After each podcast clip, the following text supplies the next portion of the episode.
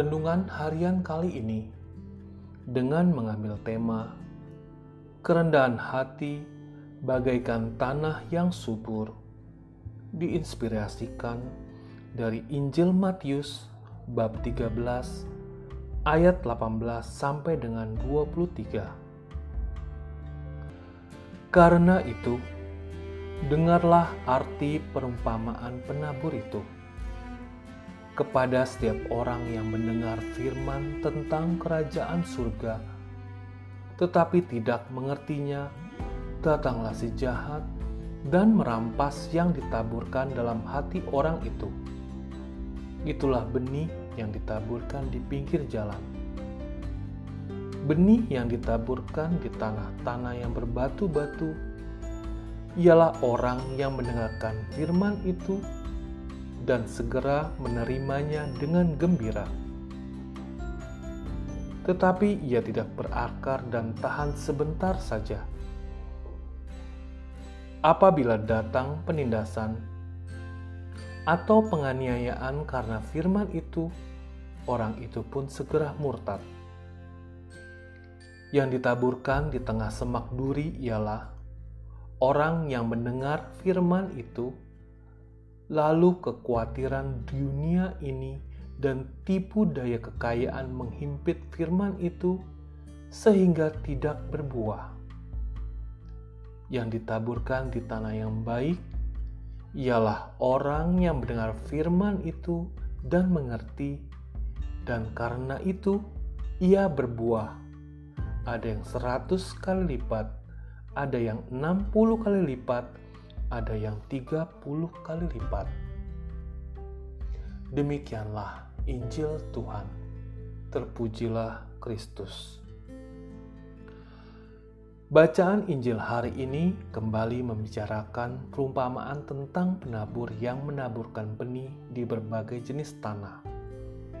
Tanah yang baik adalah tanah yang subur, yang memampukan tanaman untuk tumbuh dan berbuah ada yang 100 kali lipat, ada yang 60 kali lipat, ada yang 30 kali lipat. Seperti umum kita ketahui, tanah yang subur adalah tanah yang berhumus. Tanah berhumus adalah tanah yang memiliki kandungan organik sebagai habitat mikroorganisme penyubur tanah, sehingga tanah itu kaya akan unsur hara yang dibutuhkan tanaman. Humus yang terdapat dalam tanah juga menjadikan tanah memiliki kemampuan untuk menahan air lebih baik, sehingga mampu menjaga kandungan air yang dibutuhkan tanaman untuk tumbuh dan berkembang dengan subur. Humus dekat dengan kata humility. Humility berasal dari kata Latin humilis, yang artinya kerendahan hati. Kerendahan hati bagaikan tanah yang subur, tempat atau media tumbuh bagi bagi tumbuh suburnya keutamaan-keutamaan.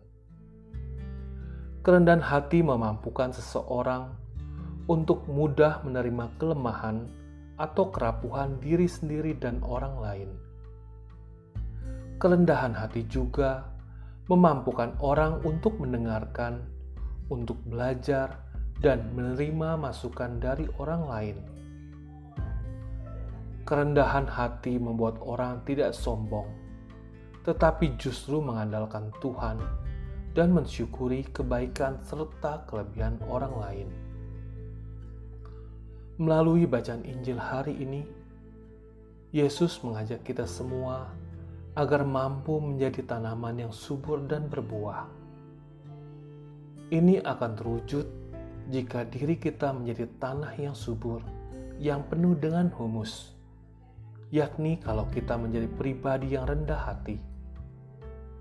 Kerendahan hati memampukan kita untuk mendengarkan, untuk belajar dan terbuka pada kebaikan-kebaikan Tuhan lewat orang-orang lain dan melalui dan melalui peristiwa-peristiwa dalam kehidupan kita.